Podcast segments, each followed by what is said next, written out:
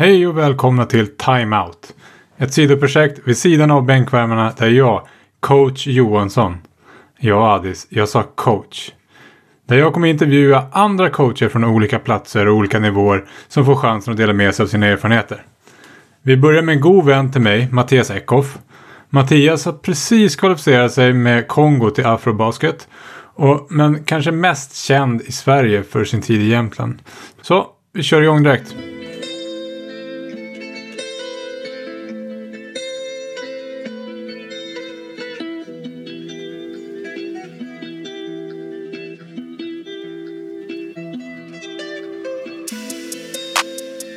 Välkommen Mattias Eckhoff. Hur är läget? Läget är väl precis sånn som de flesta har det nå om dagen. Lite tråkigt och less på covid-19. Men det går vel greit. Jeg er heldig. Jeg snakker jo fra en privilegert posisjon. Jeg får jo lov til å holde litt på det jeg liker, og har fått lov til å reise litt. Så jeg kan vel egentlig ikke klage. Nej, egentligen inte, men det är ju alltid en speciell situation just nu. Jag tänkte vi ska hoppa in direkt och jag måste erkänna så här, eh, vi känner ju varandra rätt bra. Um, delat många ganska långa historier och så vidare. Men jag tänkte så här, fan jag måste ändå förbereda mig lite grann. Så jag, jag googlade Mattias Eckhoff. Och det första som kommer upp är Mattias Eckhoff eh, skådespelare. Det är inte baskettränare, så det här måste du förklara. Jag, jag kan det, men jag jag ska förklara det för våra lyssnare. Altså, jeg spilte jo basketball i min tid, og debuterte i den norske eliteserien da jeg var 16, og på det norske herrelandslaget når jeg var 18. Og så var jeg less når jeg var 20, mer eller mindre. Eh, Jeg skulle åke til USA og, og eh, sp- spille college. Og så var det masse fram og tilbake der, hvor jeg egentlig skulle spille på University of Tennessee, og så University of Colorado, og så ble det hemsk mye sånne greier fram og tilbake. Hadde ikke papirene i orden, og dette var jo før internettets tid, og så videre. Og så åkte jeg til, eh, til USA, så viste det seg at da måtte jeg inn på sånn NAIA-skole. Og var der i tre-fire måneder, og så hatet jeg det, samtidig som jeg knakk ankelen min, så da hoppet jeg hele det, det, den reisen der. Og så åkte jeg til Brasil og loffet rundt der, som man sier på norsk. Jeg reiste rundt der med en venn av meg som var forfatter. Og tenkte bare at jeg ikke skulle åke hjem til Norge og bli basketspiller igjen. Og da når jeg var der nede, så fikk jeg høre om en dramaskole i England. Så tenkte jeg at det har jeg lyst til å gjøre, for når jeg gikk på skolen, så hadde jeg gjort mye sånn skuespillgreier. Så kom jeg inn på denne dramaskolen, og så ble det til at jeg holdt på med Utbildet meg til skådis. Så har jeg jobbet på, på scene og i TV og med film efter det. Og så ble jeg trukket inn i basketballen etter seks-syv år uten å egentlig spilt noe særlig, da. Som sp spiller. Men da ble du inndragen som spiller igjen, og ikke som coach. Nei, altså spilte jeg ett år, men da spilte jeg jo en- Jeg hadde jo nesten ikke tid, for teater er jo på, eh, på kveldene, så jeg trente en gang i uken, og, men jeg Ikke sant? Jeg var jo i ok form, så jeg kunne spille. Eh, og så lira jeg litt eh, på landslag og så videre, og så skulle jeg lire proff.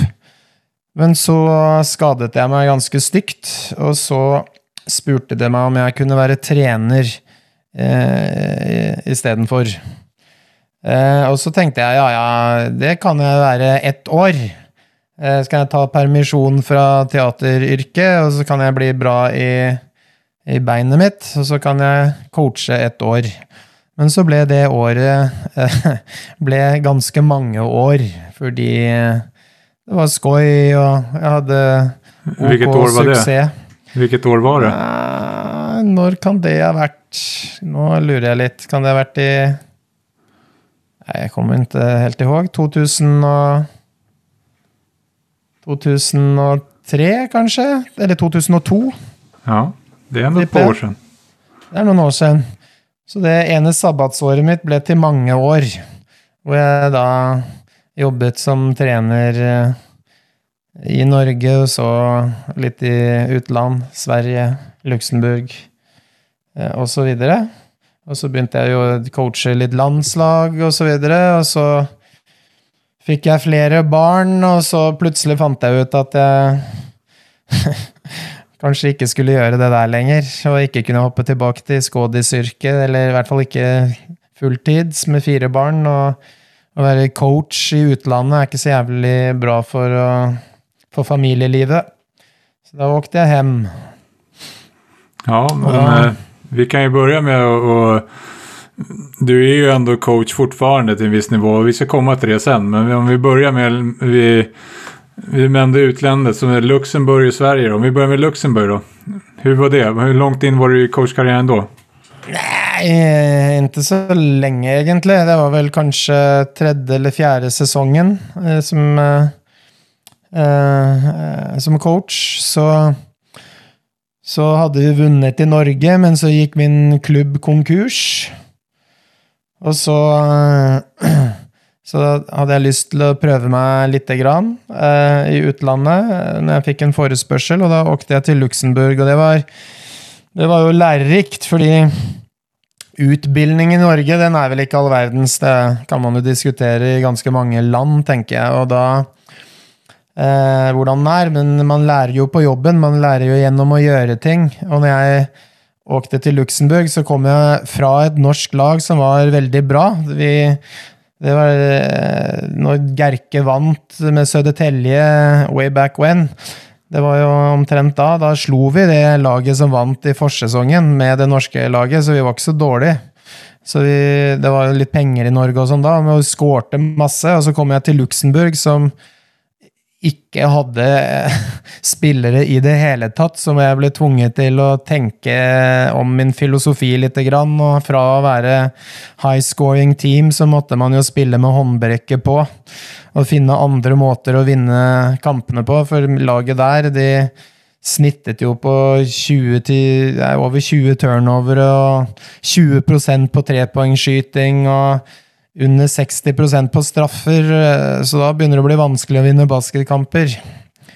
Men vi gjorde, like, vi gjorde likevel det, da. Vi vant cupen der og var vel en sånn svær eh, skandale unna å vinne the double, så Men det var lærerikt. Ja, og sen då? Sen var det neste steg, det var jo Jämtland då, egentligen va? Og da var det egentlig så at jeg var jo på vei ut ur basketen egentlig, men du drog meg inn. En, jeg vet ikke om du kommer ihåg det. Det var jag, jag skjutsade hem dig från första campdagen som du hade, träningsläger första, så, så, så, så, han, så gav du mig en sticka med alla dina plays i hela din playbook och bara sa så här, kolla om du är intresserad, typ, fick jag frågan. du var väl det då? Ja, jag kommer ihåg att jag satt hela kvällen och kollade på det och liksom, ja fan, jag tyckte det, det såg ju intressant ut så jag vet att jag, jag var inte sen att hoppa på. Men hur kommer du ihåg den Jämtland-tiden då? Första gången? Nei, det var jo jätteskoj. Jeg kommer ihåg at det var Vi hadde jo et budsjett som var ufattelig mye lavere enn alle andre. Norrköping, det var jo Norrköping når de hadde fått uh, den nye hallen sin og hadde 34 millioner kroner i omsetning, og vi hadde knapt 3 millioner. Og så hadde man jo ikke all verdens bredde i i stallen. Veldig fine typer. Og så var det et sånn ramaskrik blant alle i Jämtland, særlig eh, journalister, og kanskje egentlig klubben òg, at vi måtte dra inn en, en stor spiller. Og så var, diskuterte vel vi det, vi var mer opptatt av å finne noen som kunne gi oss en advantage. At istedenfor at hvis vi med vårt lave budsjett skulle hente inn en kille på 2.05, så ville han garantert være en semmere spiller enn eh, en de to killerne de hadde på 2.10. Så da vil vi heller ha en spiller som kunne gi oss en uh, matchup-fordel, men som kunne være rusket sterk og, og, likevel spille på større spillere. Sånn at vi, vi ønsket jo å gjøre det, og det fikk vi jo heldigvis både klubb og spillere med på. og Etter litt lite strulig start og sånn, så skjønte vi etter hvert hvem vi måtte være for å konkurrere, og det ble jo helt ok, tykker jag. Och vi, ja, vi, skal jo, vi skal jo nesten si at den spilleren var jo Ty Levett og, och han gjorde jo en fantastisk første säsong. Ja, Når han blir brukt på det rette settet, fordi han var jo en sånn typisk i våre dager, så er det jo litt mer vanlig å ha sånne spillere, sånne tweeners, som kan uh, garde multiple positions og, og, og, og, ta de store spillerne ute på banen og de små spillerne på post-ups osv. Så, videre. så han, ja, Det var jo ingen eh, han, som bakket inn hånden, det kan jeg love. Nei, det, det, er sant. Han var, han var en sterk, eh, sterk kille, og det ble jo Det var jo sånn uh, kamp om spillestil da når vi møtte Norrköping eh, i kvartfinalene der. Og vant første kvartfinalen. Tapte andre borte mot Norrköping på noe som Jeg vil ikke si det var en dommerskandale, men det var i hvert fall ikke advantage us. Når det kommer Norrköping-tilskuere som sier at uh, det der, det var litt drøyt. Og så tapte vi de neste to kampene i overtime, så det var jo ikke så langt unna at vi gjorde det helt ok. Nej, jag, jag kommer ihåg en, en, sekvens under den där säsongen. Det var som du sa, det var lite osäkert i början. Och eh, vi har, det har alltid fick en känsla av att du ville att folk skulle trivas av banan också på banan. Och jag vet att vi, eh, vi förlorade en match mot Planne. Jag tror att de hette Planne på den tiden. En torsdag var det typ. Och vi förlorade matchen och vi gick ner, jag tror vi gick ner till 3-9 i record eller någonting sånt där. Och jag kommer ihåg hur spänt omklädningsrummet och alla var liksom lite nervösa och nere och låga. Uh, och du kom in och egentligen den, dina ord var egentligen så här typ relax guys, typ go out and get shit-faced. Have a party, liksom relax. Och det kändes som en lite så här trust the process någonstans eh, snack. Och sen så rullade vi efter det och vi kom igång och som du sa, vi pressade ju ändå Norrköping.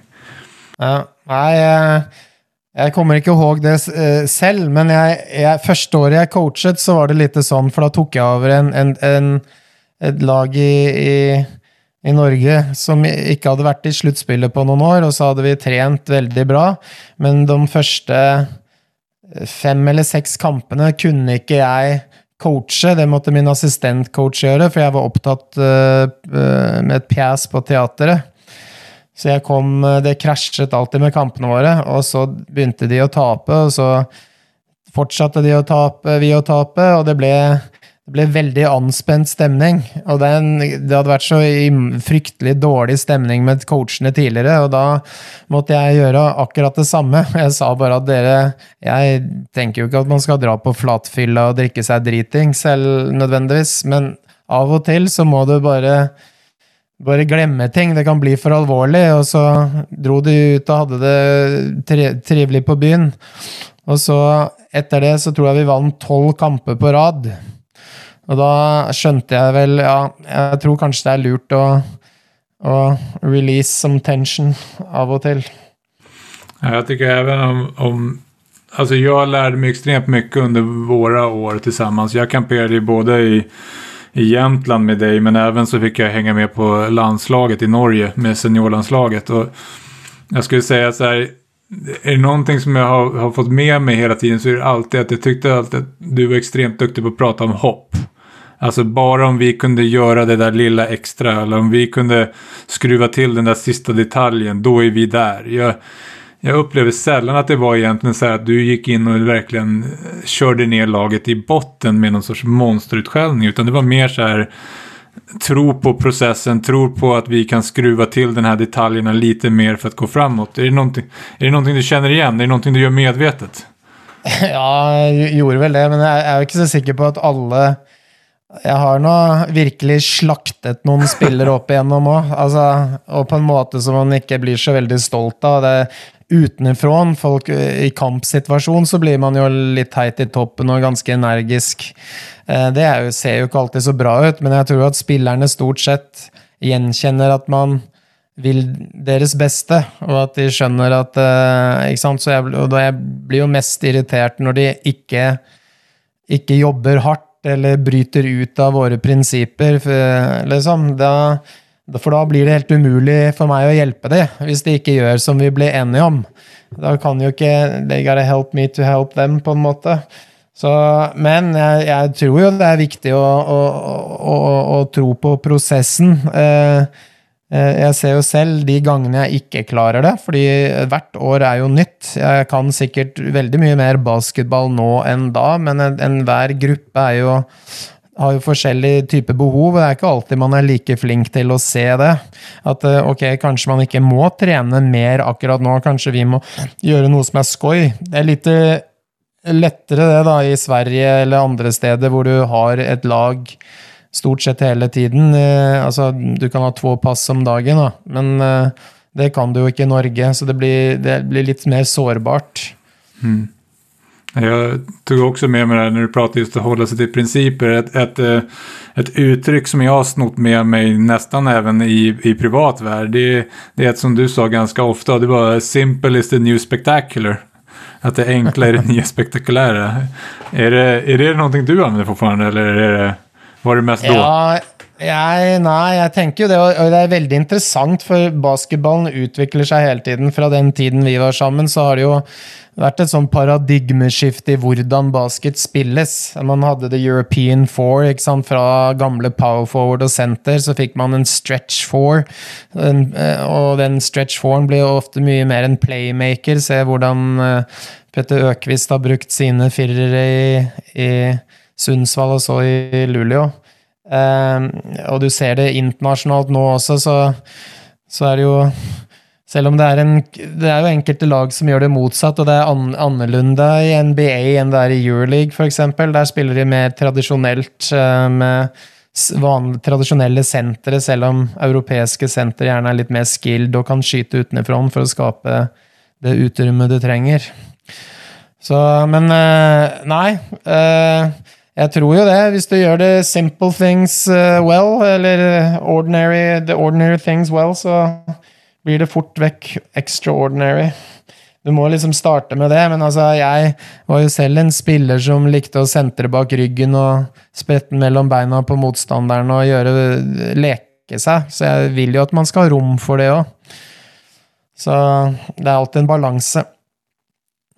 Men sen då, sen när, så lämnade du och, och rent krasst så var det så här, jag fick ta över.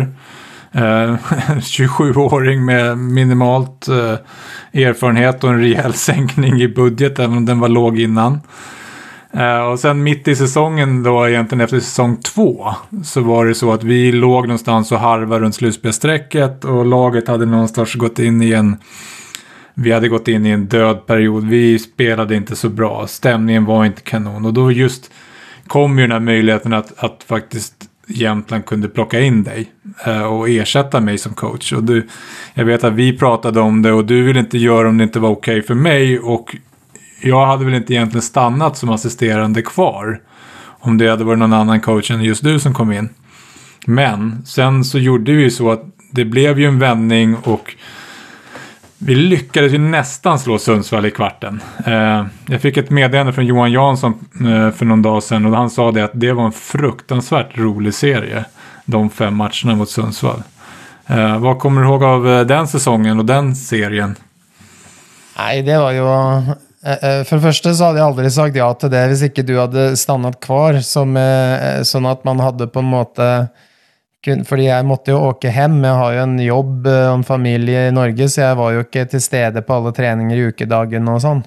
Og da måtte man jo ha noe man kunne lite på. Og for deg så var det jo eh, Jeg tenker at det er lettere å komme inn utenfra og ha en frisk stemme, men det er lettere å bare gjøre små justeringer for å få det til å liksom fungere kollektivt. Fordi det var jo bra spillere. Eh, og det var skoj. Det var jo jätteroligt atter en gang. Jeg elsker jo republikken og Jämtland, jeg. Det, en, det, blir jo en egen stemning der. Men det er klart eh, Folk bryr seg om basketball, og, og laget var trivelige killer og sånn. Så, og vi hadde bra importspillere òg, tenker jeg. Det var jo to Norbagger der òg, som jeg kjente godt fra før. Så, og det var jo litt viktig, fordi når vi da fikk kommet oss inn i sluttspillet, og det var litt bråk rundt det, hvor folk syntes at vi når jeg sa at vi hadde tapt med vilje nede i Borås. jo, den, den skitstormen fikk jeg også oppleve. At vi, vi fikk hele, hele media-Sverige etter oss og jeg kommer ihåg at vi leste Det var jo eh, Jeg fikk jo gå ut med et sitat der du sa at vi gjorde et aktivt valg. Eh, at vi da ville møte Sundsvall snarere enn Norrköping. Å jævlar, jeg kommer ihåg artiklarna på Aftonbladet og eh, men, det var, og det var jo ikke så, så sånn helt som det ble framstilt. Det er klart nei. Vi ønsket Sundsvall, det var en like bra matchup som Norrköping, men vi hadde jo litt småskader også. Og det var det som gjorde litt lite skoj i den kvartfinaleserien, eh, tenker jeg, da. Fordi Hva heter han igjen, han eh, kroaten vår? Eh, ja, Drazen Klaric. Ja, da, han var jo skadet, så vi måtte spille med Anders Stien som super undersized firer. Og så ble det litt sånn eh, Litt sånn som et nordlandsdebut skal være, med lite de takker ikke for kampen, liksom, og det var mye sånn, så, sånn tullete greier. Men, eh, og Sundsvall hadde jo vært helt suverene det året. Eh, men det, det, var liksom 2-2 avgjørende kamp i Sundsvall, og da hadde vi fått uh, Drasen Klaric tilbake, og vi tenkte kanskje ok, nå har vi endelig en full stall, men det er jo ikke alltid at uh, at det blir bedre da, for da ønsker liksom da, Det endrer jo balansen på ting og sånn. Og det er jo Men uh, Nei, det var skoj. Det tykker jeg også var eh, Det var morsomt. Det var et lag som trodde på spilleideen og var lojale, og, og, og jeg syns konkurrerte bra. Eh, kunne blitt rusket bra, og det hadde de spilt et år til sammen. Ja, en, og ytterligere en sak som jeg kommer ihåg. Vi altså, vi hadde alltid våre altså, små skjemt under sesongen. Och en sak som jag verkligen kommer ihåg det var ju, vi hade ju faktiskt Magnus Dahlborn som gäst för, några, eh, för ett halvår sedan lite drygt. Och då frågade jag om han kommer ihåg när du sa att Ole Gunnar Solskär är bättre än Zlatan. Efter matchen då i Viasat när det var så här vinstintervjun. Eh, men han kommer ihåg istället att, att det var någon match innan som han hade frågat. Då hade han kommit fram till dig och sagt så här Mattias, vad tar du med dig från den här matchen? Och du hade svarat en DVD. Ja. Kommer du ihåg att vi tog det där att jag bettade med dig att du inte ja, skulle få in Ole Gunnar Solskjaer bättre än Zlatan i TV? Mattias, gratulerar till segern. Eh, blev en gammal eh, hedlig eh, basketmatch när man isoleras. Nej, vi ska inte prata om det. Men bra, bra, kort svar bara. Grattis till segern. Hur tar ni det här vidare helt enkelt? Nej, vi konkluderer med att Solskär är bättre än Zlatan. Ja. Det gör vi uppe igen. Ja, det kommer jag ihåg. Vi, om, vi, om vi går vidare då. För sen flyttade du, det blev en vända till i Jämtland. Där var inte jag med. Ja, det var helt annorlunda. Da var man, det var man sjanseløse. Det, da, sånn kunne ikke fungere, egentlig, på den måten. For da var jeg bare og coachet kamper, og man, man jobbet ikke med noe under treningene som på en måte var Og man var i et litt uh, større hull. Sånn med tanke på å klare, komme til et sluttspill, så det ble litt Det ble bare tullball. Men sen då, om vi går videre nu till, till Nigeria. Alltså, du fikk inn foten der, og liksom hela OS-biten då. Om vi börjar med, hur fikk du inn foten der?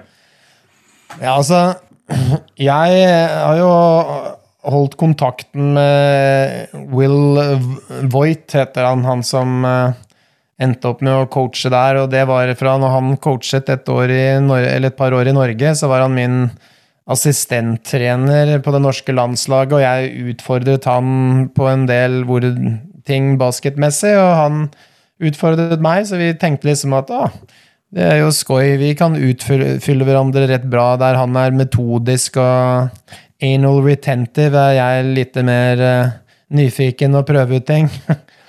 så så, jeg, eh, så gikk han fra Norge til å coache i ABA, og så i G-league. Og uh, spurte liksom om jeg ville være assistent eller jobbe med han i G-league, blant annet. Etter at jeg hadde vært sånn video eh, for han og fått han til å gjøre et par eh, ting som han hadde lykkes ganske bra med. Da. Han vant ABA i to år på rad. Eh, og så åkte jeg over dit eh, med G-league-biten, men tenkte at det her gidder jeg ikke, det er altfor mye reising. Eh, de betaler ikke bra nok, jeg savner mine barn, det her gidder jeg ikke. Så jeg var bare med på training camp og, og så videre, men så likevel så sa vi liksom at ok, hvis vi får en kul jobb, så kan den andre kan vil invitere med den andre. Og så ringte han meg en dag, da, og jeg eh, har jo tatt sånn FIBA-utdannelse.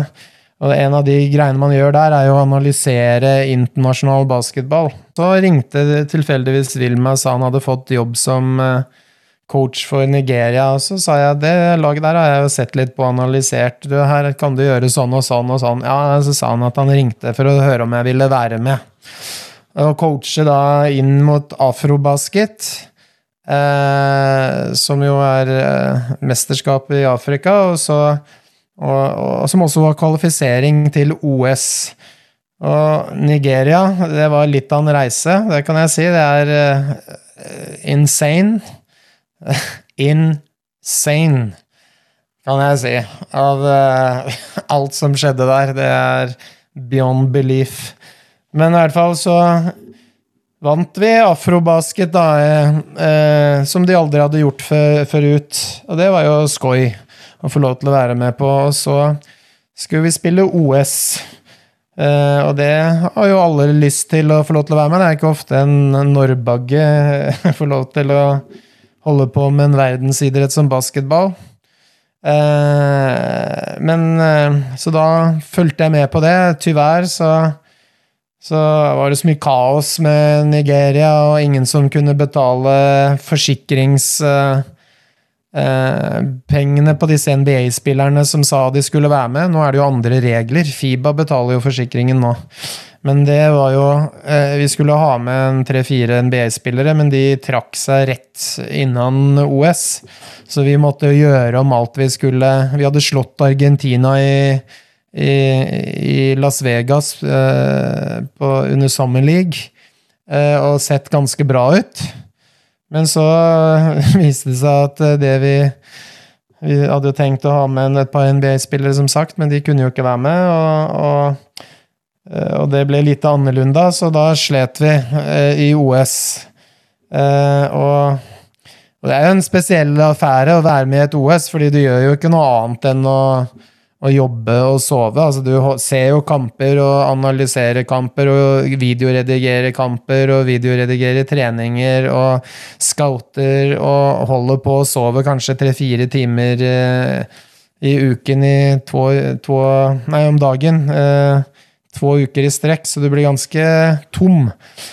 Men i OS da, så gikk det Torska vi ganske mye mot Argentina, som vi hadde slått en uke innan. Så, men så lærte vi litt, og så vi, holdt vi på å slå litt Litauen, og så holdt vi på å slå ut Spania i en do or die-game for dem, da. Og ledet når det var igjen tre minutter eller noe sånt nå. Eh, og så slo vi Kroatien, og så hadde vi en mulighet, da, hvis resultatene ble sånn og sånn mot Brasil. Men uh, var litt flate. Men det var jo en uh, interessant, erfaren, erfaring, og jeg tror vi konkurrerte jo ganske bra, med unntak av den første kampen, og kunne like gjerne gått videre, følte vi. Og hadde vi hatt med et fullt lag, så tenker jeg jo at uh, vi virkelig kunne ha gjort noe interessant. Så det var skoj. Og, og, du sier at det bare var jobb og så videre, men de enda meddelene jeg fikk, det var så alla som lyssnar på podden med oss, de vet vilken Spurs-fan jag är. Men det enda jag fick meddelande om det är så här, nu är jag med Craig Popovich, nu ser jag Manu Ginobili. det var de enda meddelandena jag fick i min Facebook, det kan jag säga. Så noen sorts ja. opplevelse var det ändå. Det var en, ja, det er veldig opple altså, Opplevelsen er jo helt vill. Altså, vi, vi var i Kina og liret der for De sier jo det at når du spiller de, spilte de kampene, så var det en fjerdedel av Kinas befolkning som så det på TV, fordi de sender det direkte, og så sender de opptak. Det høres veldig vilt ut, men det viser jo litt av hvilken interesse det er, da. Uh, og spilte mot USA i, i Houston, fikk stryk så det sto etter, men uh, men det var, det var, likevel interessante ting, og det skjedde fryktelig mye annet underveis. Fordi det var jo ikke noe penger til den training campen. Så så det, altså Nei, det var, så, det var så sinnssykt mye som skjedde. Så det var jo et eventyr sånn, men veldig slitsomt. Du, er det noe du kan uh, i alle fall gi en lite mer hint om? Nå har du jo nesten teaset litt. Grann. Nei, nei det, var så, det var så hemskt mye. Vi ble, det var væpnet ran, eh, og man sov på sånne hospitser der det bare var drug addicts, for de hadde jo ikke noe penger. Så man, fordi, altså, poenget var at i Nigeria så hadde de satt av 17 millioner dollar til forberedelser for alle idrettsutøverne. Og det skulle de få, de forskjellige forbundene, men eh, det er jo Nigeria, så det ble jo, jo, ble jo umiddelbart svindlet. Det var jo noen som embezzled, og det bare forsvant. Så ingen idretter fikk pengene sine, og det var litt spesielt når vi skulle ut og ha eh, training camp. Og det var bare på slutten av de siste to ukene, når USA eh, plukket opp eh, regningen, så vi, vi fikk være litt Men innan da så måtte vi visste ikke hvor man skulle bo, og det var ledige hoteller som, det, blant narkomane i sånne helt ville strøk. Eh, og man visste ikke hvor man skulle trene. Vi var litt heldige som fikk lov til å trene i Clippers sitt treningsanlegg, fordi coachen kjente noen der og hadde jobbet der som sånn videoanalyst eh, tidligere. Og, og, da er det liksom sånn typisk. Plutselig så står det, og det er ganske streng security, du kommer ikke inn der. Men likevel, plutselig så var, sto det en två tiekille som hadde ett øye, som sa Nei, jeg skal uh, I'm gonna play for Nigeria. I'm Nigerian. Og så, Hæ, hvem er du? Ingen kjente han, da. Han hadde altså da funnet seg en måte å komme inn og stille i treningstøy på vår trening, og uten å snakke med noen. Eh, sånn skjedde hele tiden. Altså sånne, eh, sånne ting. Hver dag var det et eller annet sånn. Og det, ikke sant, når vi kom til OS, så er det ganske det er ganske strengt da, du, for å få de nødvendige papirene. Man er jo så redde for, eh, for terroraksjoner og sånn. Så når vi kom dit, så viste det at han ene assistenttreneren som hadde Eh, jobbet ræva av seg i månedsvis liksom, for å få dette til å fungere. De hadde ikke klarert han. Og en av spillerne som hadde ikke fått noe. Og dette er ikke sånn du gjør på én dag, dette tar jo gjerne fire-fem dager. Og, og, da når du da skal få tak i en eh, head of administration, ikke sant, så var de Nei, da forsvant de bare. Og da får du ikke tak i de. Så du, du er helt alene. Liksom, det er ingen som tar ansvar. Eh, og og da, så de blir sittende i ti timer ute i et sånt forområde hvor du ikke kan gå inn og du ikke kan gå ut. Og det, Får ikke tak i noen, får ikke beskjed om noen ting. Og så var det sånn bombetrussel, da. Så alle, plutselig forsvant alle mennesker, og så satt de to igjen. Og så kom det en inn med sånn Ninja Turtle Bomb Squad-greie da, for å sjekke ting. Og du, du vet jo ikke, altså, og ingen beskjed. Og det er når du bare blir løyet til, ikke får beskjed og ingen informasjon om noen ting, så blir du til slutt så sliten. Og, og, og, så han han måtte da bare reise et annet sted, og det var jo ikke noe ledige hoteller, så han måtte med buss en og en halv time. Og han måtte legge ut selv, denne assistenttreneren. Det var ingen som eh, hjalp han. Og spilleren fikk vi inn på sånn gjestepass, og så snek vi han inn, så, eh, sånn at, at, han ikke gikk ut heller. Så han bare sov eh, på gulvet på rommet til en av de andre, helt ulovlig, og lånte credentials, og han fikk litt mat, og vi tok med mat til han så han ikke skulle bli tatt. Og det holdt på på i tre-fire dager før vi fikk klarert han. Så sånn var det hele, hele tiden. Altså, det var alltid noe. Ja, det er eventyr. Ja, et eventyr. Og vi ikke sant? Altså, eh, det landslaget Jeg vet ikke hvor interessant dette her er, men de hadde jo opprinnelig så hadde man en avtale med Nike, og Nike hadde hadde liksom printet opp utstyr og sko for 400 000 svenske kroner eller noe sånt, som skulle til dette laget. Men så var det en legendarisk spiller som heter Ollie, som, som har spilt i NBA og også mange år i Kina, som hadde link til, eh, til peak. Skikkelig ræva idrettsutstyr og ræva sko. Altså jettekass, dårlig. Sem. Eh, altså eh, Så så da sa de, sa de, bare egentlig opp den avtalen med Nike uten egentlig å gjøre det på en ordentlig måte, og så skulle Peak levere alt utstyret.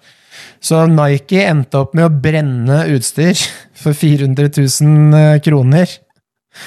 Og Peak leverte aldri utstyr, eller de leverte først litt utstyr altfor sent.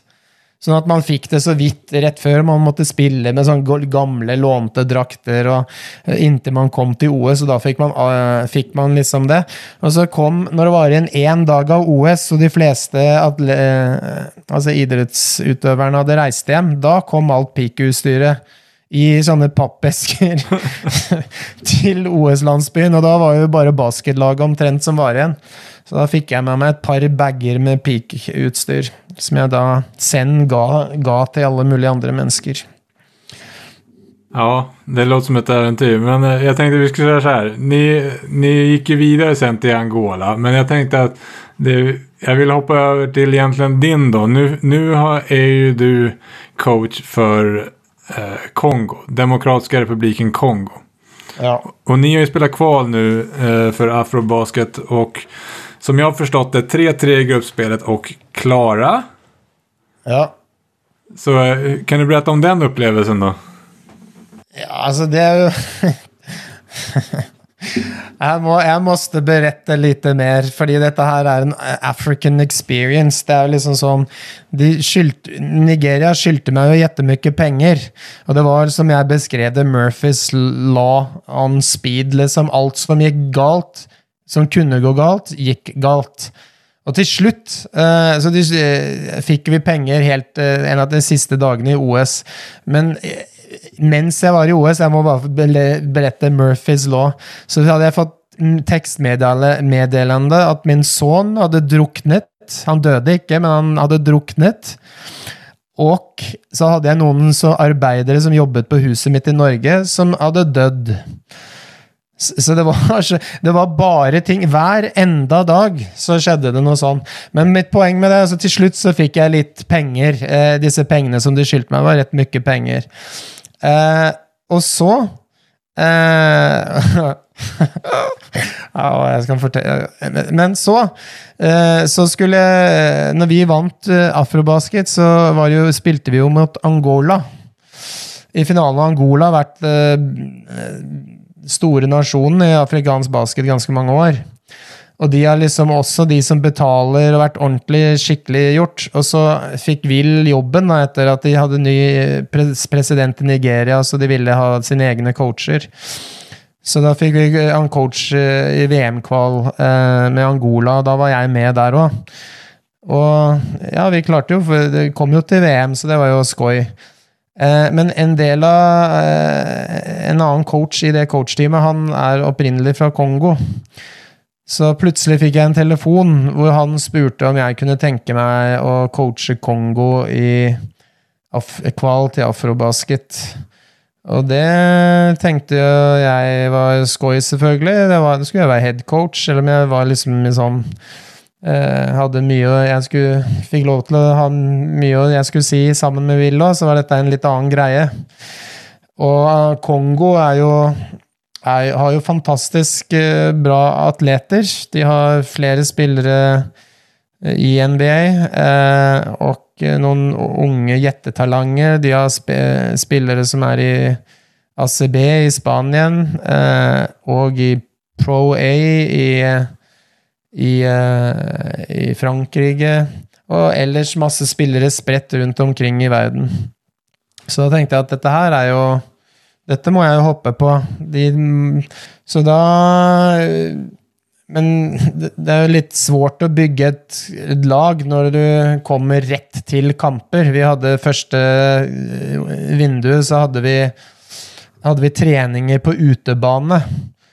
Og så fikk vi fikk vi 50 minutter innen én trening, selv om det var ikke så halvgærent. Så vi, vi, vi vant jo eh, Vi var i gruppe med Tunisien, som er et veldig bra lag, som er regjerende mester i, i Afrika. Og eh, Sentral-Afrika og Madagaskar, så men vi, vi vant altså tre kamper og tapte tre. Tapp, de tre vi tapte, var liksom med ekstraomgang og, og med fem poeng mot Tunisien. Altså, vi var jo i de kampene, og vi ble bedre hele veien. Og så er jeg blitt lovet nå at vi skal få en ordentlig training camp, da, og at uh, mest sannolikt vil uh, være med et par spillere til da, som er uh, veldig, veldig bra. Altså type stjernespillere i disse ligaene. Ikke rollespillere, men Christiane Jenga, um, Moodier, som har vært i NBA, kanskje Bismarck Biombo, Jonathan Kuminga, som er uh, liksom topp fem eh, type, tror jeg, i draftet nå. Så det Jeg vet ikke, men uh, det er ikke nødvendigvis så bra, det heller. Vi heller ha en gruppe spillere som virkelig vil, enn noen stjernespillere som kommer inn en uke og skal Ja. Så vi får se. Når er neste steg, da?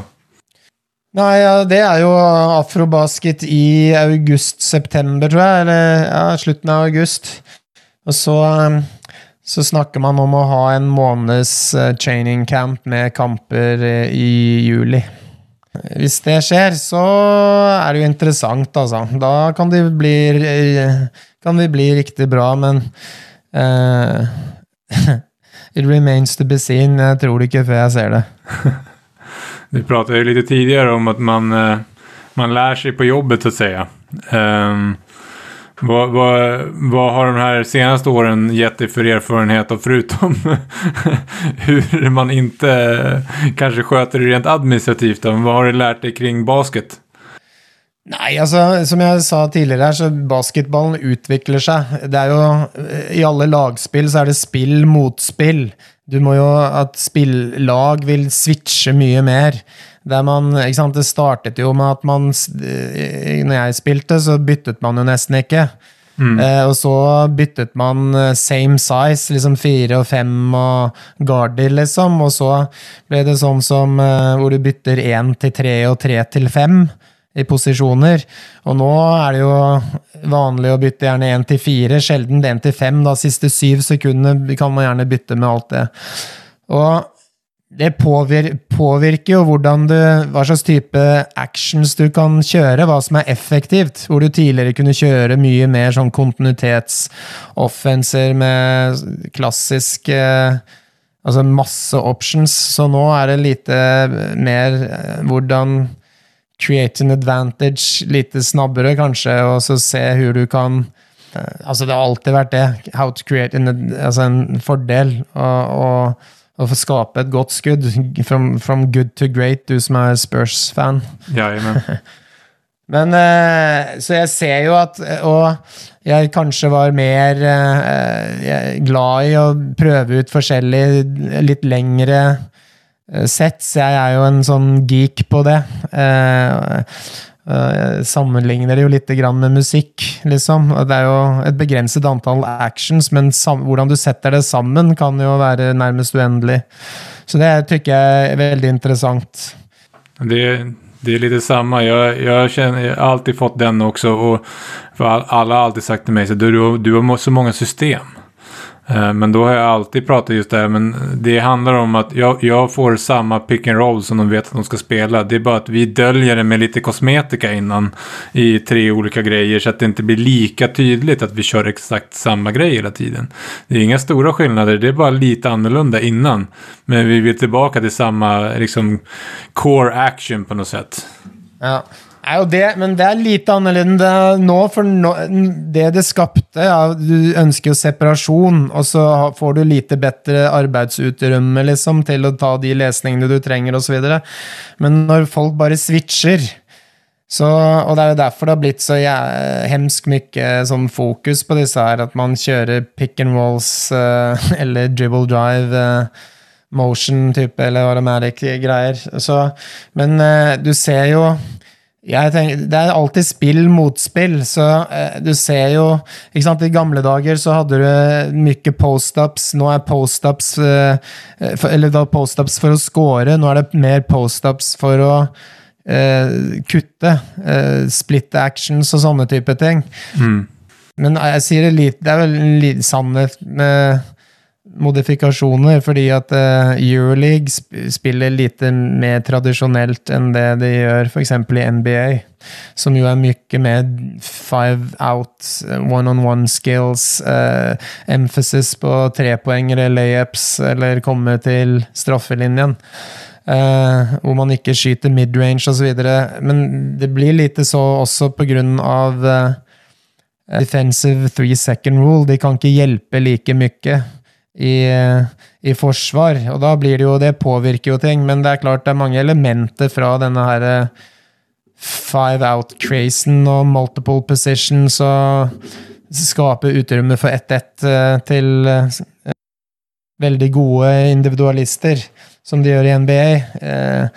Som man også tar med elementer inn litt, til en viss grad inn i i Europa, men eh, jeg føler jo nesten at de er mer nysgjerrig på hva man gjør i Europa enn motsatte veien, da. Så, men du spurte jo hva jeg har lært, så det er jo, for meg så blir det jo liksom at kanskje forenkle noen, eh, noen ting på det, og så, og så har vi jo begynt å jobbe med det. kunne jeg vært geeket my mye om. Uh, Hur lire defense. Det er jo som det er som all som jeg sier, spill motspill. Det vil være nå, ikke sant? Det var jo som dribble drive, uh, eh, motion-type ting. med En som heter Vance Wahlberg. Som high school coach som begynte å få dette til low level eh, college. Og så kom John Calipari med Memphis, og så tok det inn med Derrick Rose og disse her. Og da var det ingen screening, og reglene er sånn og sånn. Og så etter et par, par sesonger med det, så ble lag bedre til å ta bort en del av det derre bare five out, open, dri drive kicketing. Så måtte man ha litt screen actions og så. Og så, og så begynner lag å switche i et Og så fikk man packline defense-prinsipper, og så, og så av switchingen så begynte man nå å kjøre mer sånn split action, sånn, sånn som er vanskeligere å switche, da, hvor du kan ta folk på på å slippe skriner og sånn.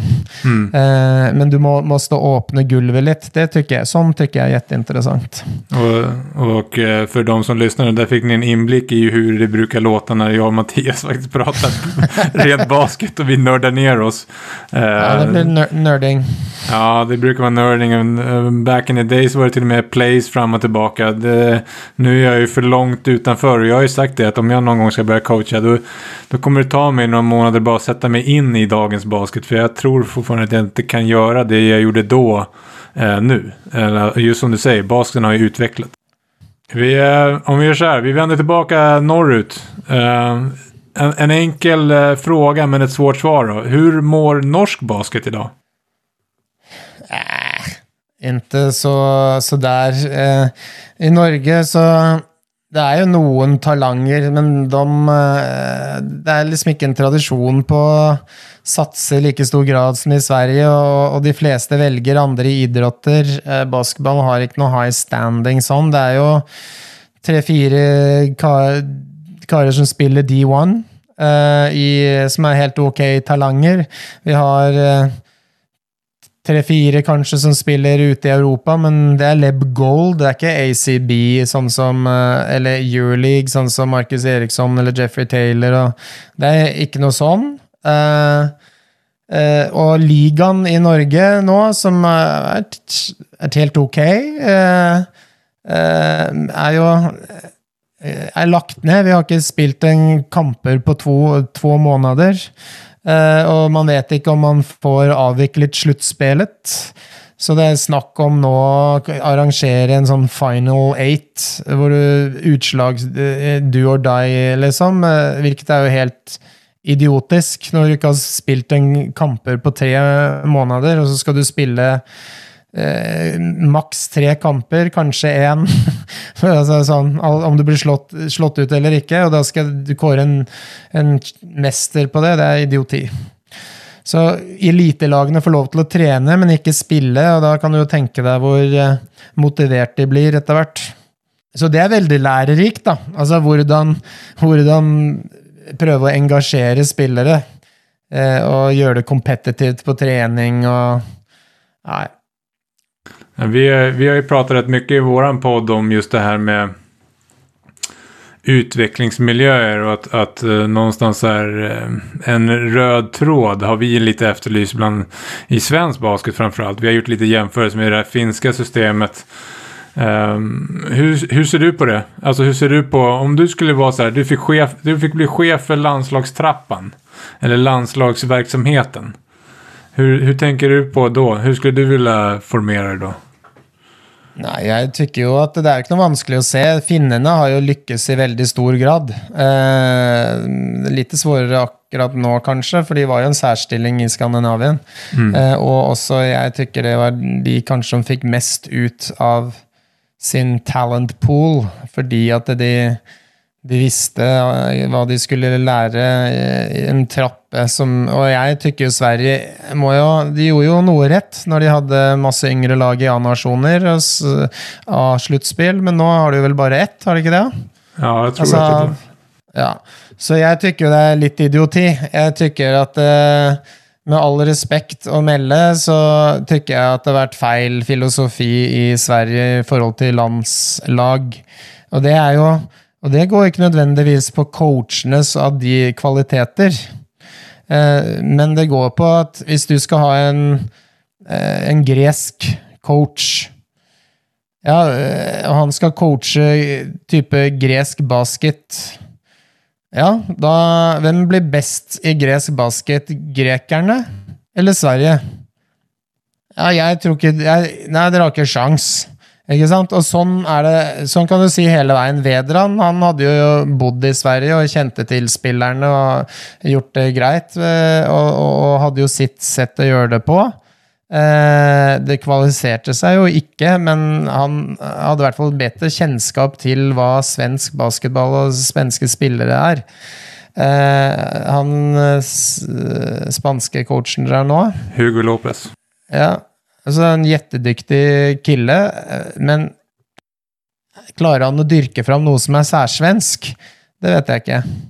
Og så kan man spørre seg eh, må man det. Eh, jeg vet ikke. Eh, man, men man burde i hvert fall ha en policy, en, et program, et ønske om at dette skal spillerne Jeg tror at man gjør seg selv en tjeneste ved å prøve å utvikle et program hvor man har noen grunnleggende ideer Finnene var jo sideline defense eh, og lærer seg dribble drive eh, automatics i Gordon Herbert-ånd, eh, liksom. Eh, eh fra de er 13-14 år, så de forstår spacing og visse kontinuitetsting. De forstår hva man ønsker å få til defensivt. Eh, og de jobber stentøft etter det. Det var, var ikke så lett å få eh, alle med på det i Finland i starten, vet jeg, men så er det vanskelig å argue with results. Så de fikk jo resultater, men de fikk ikke det nødvendigvis i yngre eh, årsklasser i starten. Nei. Alt tar jo tid å bygge opp. Det tar tid å bygge opp, men de fikk, eh, de fikk et feeder-system. Så de fikk hele tiden unge spillere, sånn som Sassu Salim, som jo har gjort det jettebra. Du skulle jo tro at han ikke har forutsetninger som en undersized combo guard som egentlig ikke kan lire point guard, men han er, og han er 1,92. Eh, stor kille eh, som ikke har kjempehandles eller en drive, eller altså sånn driving game, liksom. Men likevel så kunne han altså gå inn som en 18-åring etter at vi hadde slått de nordisk med Norge. Eh, og, og, for første gang vi vant et mesterskap, da.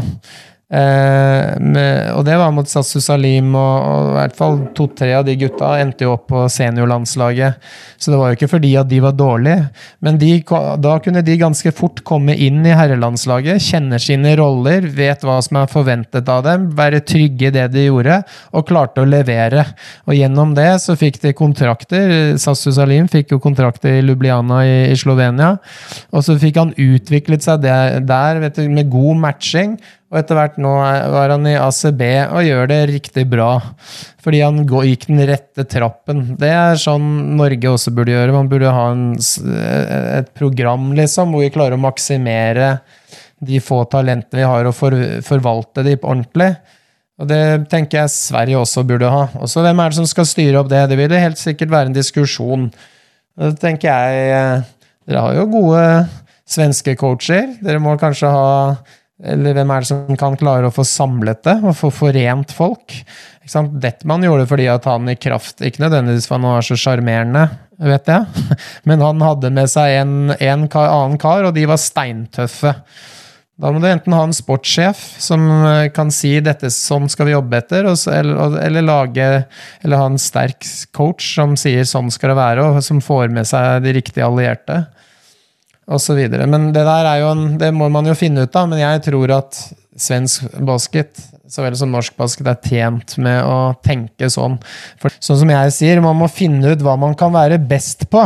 Og det bør liksom Sverige også gjøre, istedenfor å se å, sånn gjør de i Spania, da prøver vi å spille som sp spanjolene. Nei, du må ta med det beste fra Spania, og se hva er det overførbart til våre eh, våre lag, og så, så holder du det enkelt innenfor det. Eh, men det er jo, og da, og da tror jeg du får til ting. Og det er det samme som fordi at skal du konkurrere med folk som er så sinnssykt mye eh, bedre fysiske forutsetninger ikke sant? Og det er det samme som jeg prøver å si til de afrikanerne. Dere må jo Dere må jo få et ordentlig program, en struktur på plass, sånn at det ikke er helt sånn eh, Hawaii. Men at du kan virkelig eh, Da vil dere få maksimert potensialet. Og potensialet er stort. Ja, nej, onekligen. Ja, det, men Sverige det er jo my, mye mer eh, takksam posisjon å være i, tenker jeg, for svensk basketball. Man har jo eh, veldig bra spillere i Repko, Taylor, Eriksson, eh, disse andre gardene. Har, dere har jo Size. Eh, jeg tykker det er jettemange eh, spennende spillere i Sverige. Og så er jeg litt usikker på om det beste man gjør, selv om Ludde Håkansen er god, og la han sprette i 20 sekunder på pick and roll, liksom, det tror jeg ikke man kommer til et EM på. Men jeg tror man må ha noe Nå overdriver jeg, da. Det skjønner du. Ja, ja. Bare, men sist jeg så Sverige spille, så gjorde de det helt ok. Da Ludde Håkansson, som er et jettetalang, det var, ikke, det var ikke så mye ball movement der nødvendigvis. Tenker jeg. Akkurat i de kampene der. Alla som lyssnar på det här vet att jag har fått skit, otrolig skit för att jag då kallade Ludde Håkansson för överskattad just för att jag tyckte att han hamnade i en för stor roll senast. Sen hade han en, en fruktansvärt het match mot, match Turkiet men vi kan inte begära det där av Ludde Håkansson. Ludde Håkansson är en fantastisk spelare. Eh, Men att han är den som ska liksom spela varenda pick and roll. Och, och kritiken kan jag ha mot Hugo Lopez senast. Då var inte Ludde med. Men då är det istället spelet som bygger på att ja, men då är det Thomas Massamba som spelar de där pick and rollsen. Och det är inte heller riktigt bra nog. Nei, og det, det er det jeg mener, da. Så, så, og det er sånn coacher alltid må gjøre. De må, du må jo eh, ha en spillestil, du må ha et grunnspill, men så måtte du jo anpasse i forhold til skillsettet til dine spillere. Og jeg elsker Thomas Massamba som en forsvarsspiller, først og fremst. Men eh, han kan ikke da være ballsentralen eller decision maker som skal gjøre ting.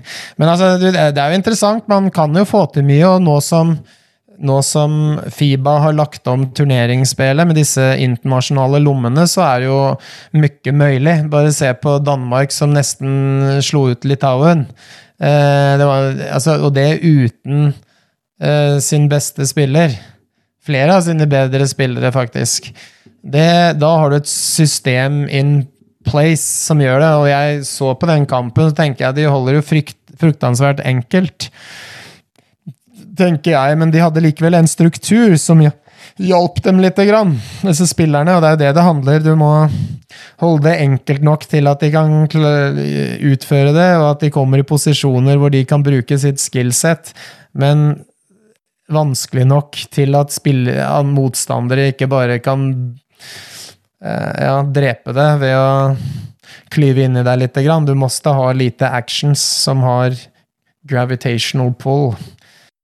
Nei, og dette her mener jeg rett mye om, altså, sånn der i forhold til hvilke ting du skal gjøre på, på hvilken alder. Eh, og så- men ikke sant? Man har jo gjort jettemye bra opp igjennom i Sverige.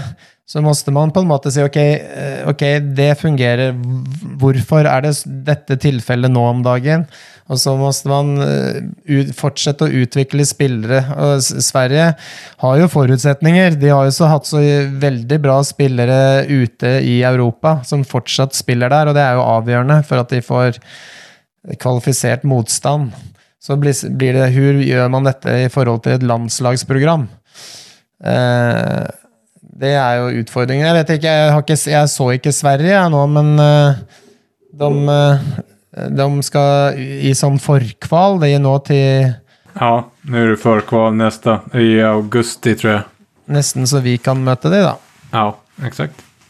Okej Mattias, jag tänkte att vi ändå ska runda av lite grann. Men jag har en sista fråga och det är från min poddkollega Nick Rajacic som är en god vän till Terence Oglesby. Och hans fråga var ganska enkel. Det är, vad tycker du om Terence? Eh, jeg er eh, veldig glad i Terence, jeg. Han er jo sønnen til en spiller, eh, amerikansk spiller som jeg spilte eh, på lag med. Han Det må jo sies at når han kom til Norge, og jeg møtte han, så var han en i, starten av sin karriere så var han en shameless gunner som eh, ikke så et skudd han aldri likte, og som ikke var så veldig opptatt av å spille defense. Eh, ikke så utypisk for en del eh, unge amerikanske spillere, som er flaska opp med AAU-basket og Me, Myself and I. Eh, og eh, det som var hans greie, var jo at han kunne skyte på et veldig høyt nivå. Han kunne score mot eh, selv ekstremt eh, bra forsvar. Han fikk jo tilbud av Real Madrid en gang.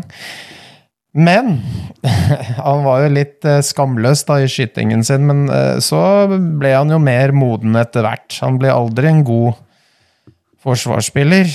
Eh, og hans decision-making var jo ikke alltid så helt på topp. Eh, men skyte kunne han, og det som er interessant med Terence, det er jo at han nå er en ganske flink color commentator i, på TV og radio i, for eh, ja, for ymse TV-kanaler og colleger i USA. Så han er blitt veldig flink, og har nå et ganske Han jobbet jo litt som coach òg, så han er jo blitt smart der han tidligere var ikke fullt så smart. nei, det är, alla kan utvikles. Det er jo så enkelt. Ja, nei, jeg, jeg blir Og jeg syns det er utrolig flott å se, da, at eh, eh, Jeg syns jo det er interessant, det er derfor jeg holder på med dette her. Den reisen man gjør, eh, både spillere eh, individuelt eh, og kollektivt som lag, og den reisen man gjør som coach selv. Man lever og lærer. Men jag hörde att det fanns en turnering där det fanns ändå lite gnissel.